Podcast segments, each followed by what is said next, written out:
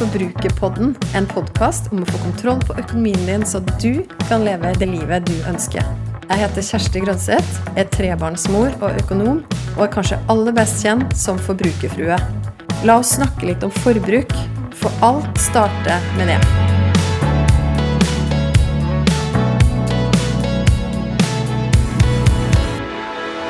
Hei, kjære lytter av Forbrukerpodden. Vi har kommet fram til nest siste episode av podden i 2022. Og faktisk også den nest siste episoden på en god stund. Forbrukerpodden, som har holdt på nå fra januar 2020, kommer til å ta en pause fram til høsten 2023. Så veit du det.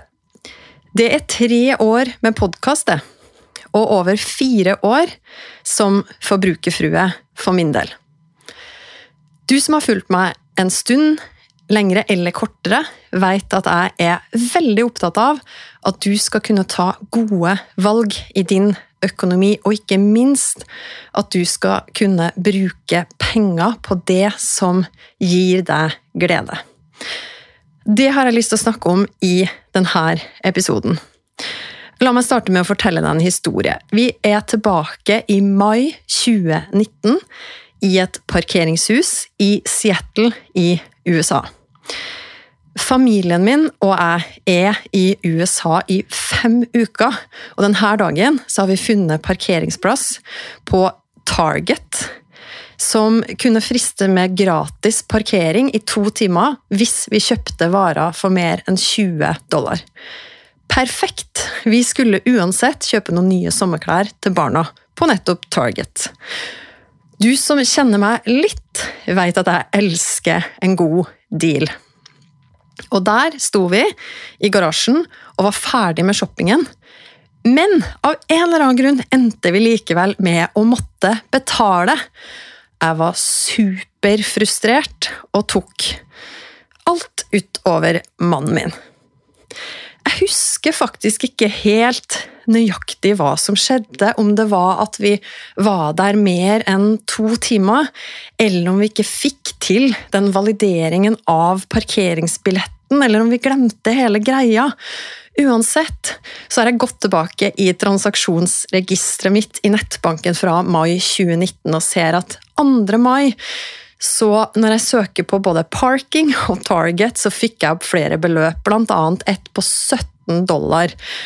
Og når jeg da researcha det litt nå, på den gitte parkeringsgarasjen på Target i Seattle i USA, så finner jeg på nettsida nå at en tretimers parkering koster nettopp 17 US dollars. Mest sannsynlig var det da en kombinasjon av at vi både var der i tre timer, og at vi ikke fikk til hele den valideringen. Det som er greia, er at jeg husker hvor stressa jeg var. Og når jeg ser tilbake på beløpet i nettbanken Det var en litt bedre kurs enn det er i dag. Og de 17 dollarene de kosta oss 152 norske kroner og 5 øre. Det var ikke ikke mye glede i det øyeblikket. Kanskje er det sjelden glede i å betale penger for parkering. Det er ofte sånn at man faktisk bruker, ender opp med å bruke mer tid noen ganger på å finne parkering, verdifull tid kanskje også, enn å bare ta en enklere løsning i f.eks. et parkeringshus. Poenget med den turen her, den skulle jo gi maks glede. Og de fem ukene hvor vi hadde spart opp penger, både til reisen og til oppholdet, og i tillegg så tok vi da litt ulanda permisjon, som vi også hadde spart til. Så hvordan kunne vi ende opp i denne situasjonen som faktisk førte til en krangel, når vi hadde vært gode på å planlegge i forkant? En ting er jo at Vi skulle jo være borte lenge, og det å være på ferie i fem uker, selv om vi kalte det en hverdagsferie og ikke bodde på hotell, men bodde privat i en leilighet vi hadde leid via Airbnb. Og vi tok ganske rimelige valg hver eneste dag, men samtidig så koster det jo litt å være på ferie. Og en budsjettpost som parkering hadde vi kanskje ikke lagt opp til å bruke så veldig mye på. Jeg tror ikke det sto som en egen post i det budsjettet vi hadde satt opp. Men når jeg tenker tilbake, så vet jeg at jeg var stressa på flere punkt i løpet av den turen. Ja, altså På tross av at vi hadde planlagt godt og virkelig satt av penger til den. Og det hadde å gjøre med at jeg, rett i forkant av turen, hadde valgt å gjøre den dårligste investeringen jeg noensinne har gjort. 100 000 kroner hadde jeg investert i et prosjekt som jeg hadde tro på, dvs. Si delvis. Så blei jeg overbevist om at dette prosjektet kom til å lykkes. Utfordringa var at dette var penger jeg egentlig ikke hadde tilgjengelig stående på en konto. Men de som ønska at jeg skulle gjøre investeringen, de la veldig greit til rette for meg med å dele det opp, jeg tror det var i fire. Og i tillegg så lokka de da med at det her kom til å være lett, lette penger å tjene inn. Slik at de fire ganger 25 beløpene som jeg da skulle betale inn, de kom jeg til å ha tjent inn lenge før jeg skulle betale den siste. Ok, det er jo egentlig en helt annen historie også med den investeringen, og jeg har faktisk ikke tenkt å gå nærmere inn på detaljene i den. Du kan spørre meg hvis du lurer. Poenget er at denne episoden i parkeringsgarasjen i Seattle lærte meg to ting. For det første jeg må ha margin i min økonomi. Måten som vi har løst det på i vår økonomi, det med margin, og kall det gjerne buffer, det er å ha nettopp en større buffer, superbuffer. Vi har også satt av den vinteren her litt ekstra penger til strøm. I tillegg, sånn helt konkret i vår økonomi, så har vi en 'jeg rota det til'-konto, og den har jeg snakka om før, for den syns jeg er helt genial. Sist gang jeg snakka om den, så hadde jeg fått en parkeringsbot som jeg da kunne betale fra 'jeg rota det til'-kontoen.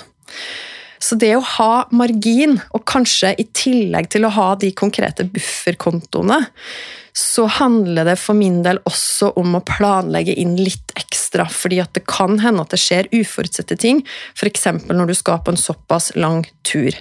Så helt konkret, da, det med parkering, det er jo noe vi også har lagt inn i vårt månedlige, kall det hverdagsbudsjett, fordi vi vet at innimellom så parkerer vi på plasser der det koster å stå. For det andre, og det var jo knytta til den investeringen jeg hadde gjort i forkant, som da endte med å ligge der, som en litt sånn tåkelegging av turen for min del. Jeg kjente at det gjorde meg stressa. Så en tur som i utgangspunktet bare skulle være fylt med glede, den skapte noen øyeblikk av uro for min del. Og det jeg lærte av det, er at hvis jeg skal ta risiko, så skal det være kalkulert og regna på og det har også lært meg at den første magefølelsen stemmer ofte. For da hadde jeg nok kanskje ikke gjort den investeringen. Det var likevel mitt valg, og jeg har lært utrolig mye av det. Og jeg må si også at angående det med å navigere ut fra hva den første magefølelsen sier, etter at man kanskje også har eh, regna på det, for jeg tror jo på en kombinasjon. Det har også gjort at eh, helt konkret mannen min og jeg har unngått noen investeringer i etterkant. Nettopp fordi at vi har sett at her har vi ikke helt full ro for å gjøre den investeringen. Så det kom noe godt ut av det.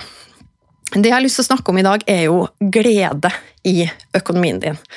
Og hva er det som er glede for deg i din økonomi? Det er et viktig spørsmål å stille deg er det i likhet med min parkeringssituasjon det å ha margin eller buffer som gjør at du kan glede deg enda mer egentlig i enhver situasjon som oppstår? Er det friheten til å velge f.eks. hvor mye du skal bruke, eller hvilken matbutikk du skal handle i, eller det å kunne dra på ferie dit du vil? Er det som gir deg glede, opplevelsen av å klare å være takknemlig eller kreativ innenfor noen gitte rammer? Slik at du egentlig syns det er fint å kunne begrense deg til en gitt sum du skal bruke på f.eks. klær eller interiør i løpet av en måned, og så lærer du deg å sette pris på det du da kan bruke penger på innenfor de rammene. Er glede for deg trygghet i framtida? Er glede rom til å kunne være sjenerøs? Eller er det spenningen i å se pengene dine vokse over tid? Er det mestring av å forhandle lavere faste utgifter? Eller er det kicket av å tjene mer penger? Still deg sjøl de spørsmålene, og stopp litt opp nå og tenk hva er det som dypest sett gir meg glede i min økonomi? Og som du hører på de konkrete spørsmålene jeg har stilt, så kan det jo være ting som både er her og nå, det kan være noe som er om noen måneder eller et år, eller det kan være noe som er ti pluss år fram i tid. Kjenn etter. Hva er det som gir deg mest glede? Ofte er det jo en kombinasjon. Hvis du har funnet ut noe som vil gi deg en dyp glede over litt tid, samtidig noe som også gir deg den samme følelsen her og nå. Finn ut hva glede er for deg i din økonomi. Og hvordan finner du den gleden helt konkret? Jo, du som har hørt på Forbrukerpodden før, du har garantert fått med deg at jeg har snakka om kakemodellen. Det er jo en enkel illustrasjon som en rund kake som representerer det du får inn av inntekter på konto hver måned. Og den, får gjøre det enkelt for deg å se på hvordan du prioriterer pengene dine i dag, så kan du gjøre en oppsummering av hvor mye du bruker av de pengene du tjener, på fem ulike kakestykker. Sikre, leve, nyte, drømme og gi. Og så er det masse detaljer under der. og Hvis du spoler tilbake til den forrige episoden av Forbrukerpodden, så snakka jo jeg om hvordan du kunne deg, lage deg et helt detaljert budsjett basert på kakemodellen. Og det finnes også en tilhørende mal du kan laste ned. Så hvor står du i dag? Hvor er postene i budsjettet som gir deg mest glede? Det kan jo være en fin test, faktisk, om du bruker det mest detaljerte budsjettet også. At du går gjennom og ser ok, hvor er det jeg har noe å gå på her? Hvor er det jeg hadde kjent meg mer glad og fri og trygg av å kunne prioritere mer penger? Og som sagt, det kan være både ting på veldig lang sikt, og det kan være ting som betyr noe her og nå. Og hva er sammenhengen for deg da, mellom de ulike tingene i den kaka som du prioriterer penger på? Jeg har lyst til å gi deg to eksempel på det jeg vil kalle dobbel glede.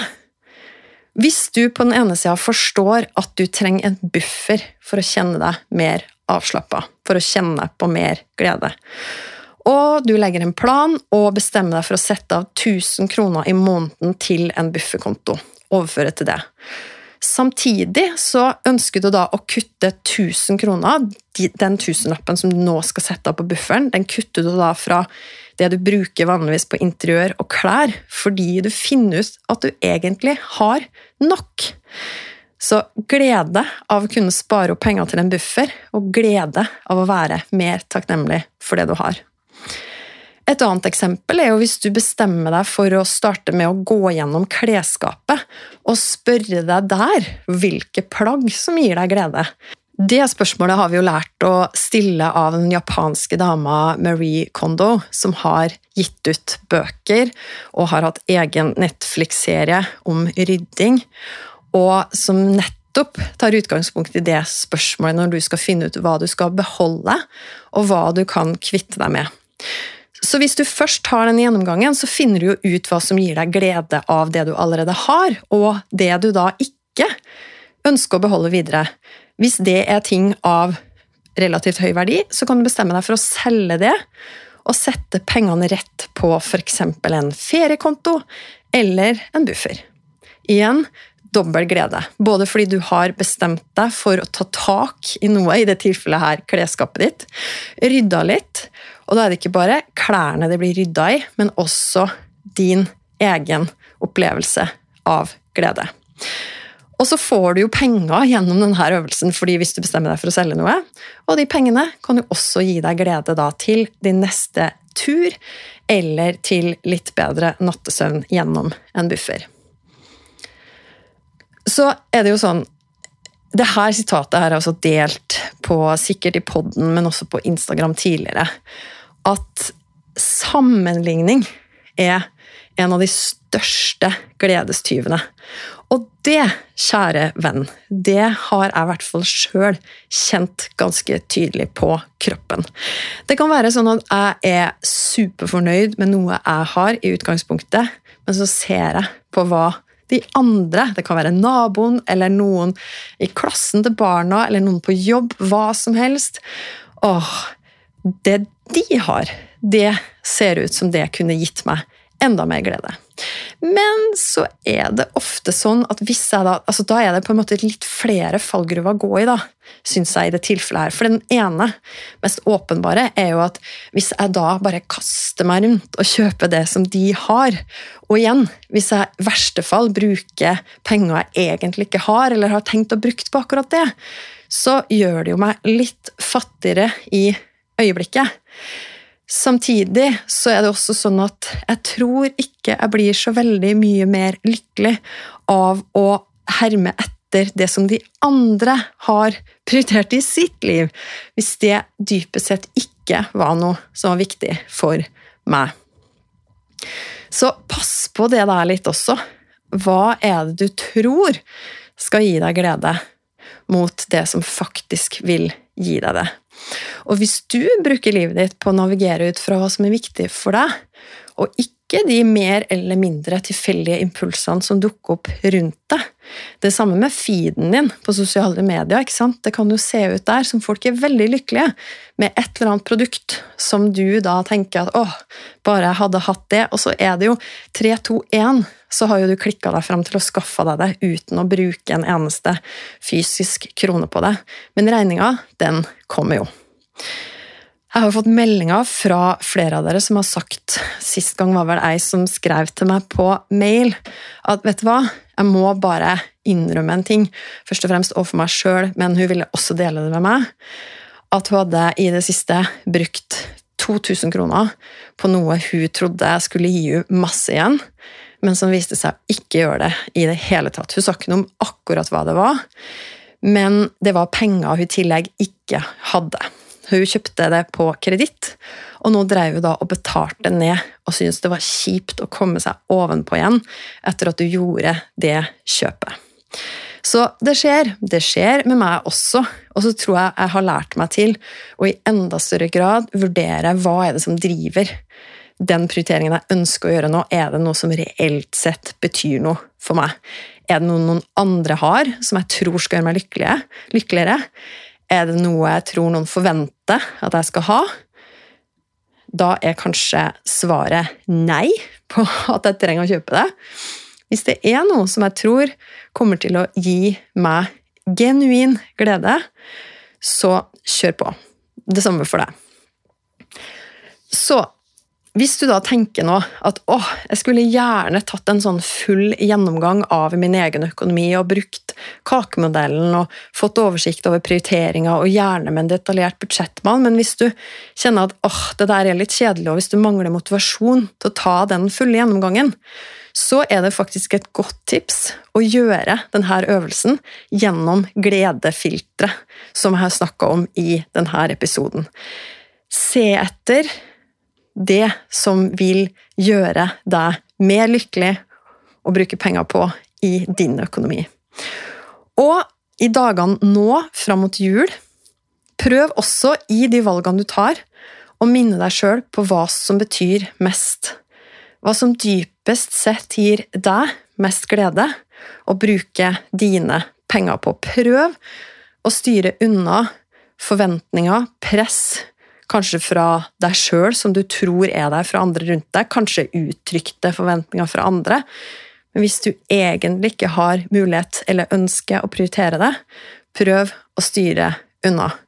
Prøv å ta dine valg, som du kan stå for nå, og som også vil gjøre at gleden din i januar fortsatt er der, slik at du ikke driver og betaler masse Klarna i januar som egentlig ikke ga deg så mye akkurat nå. Så til neste uke, da kommer aller siste episoden av Forbrukerpodden i 2022. Og jeg vil at du skal ta vare på deg sjøl i mellomtida og gå ut og glede deg over å kunne bruke penger. eller glede deg over å spare penger, hvis det er det som betyr mest for deg. Og så høres vi igjen. Jeg vil gjerne vite hva du tenker etter å ha hørt episoden. Så koble med meg på Instagram. Der finner du meg som forbrukerfrue. Send meg en melding. Tagg meg gjerne i Story og del episoden her hvis du likte den. Eller send meg spørsmål. Og husk å abonnere på podkasten Forbrukerpodden, så får du beskjed hver gang det kommer en ny episode. Vi høres!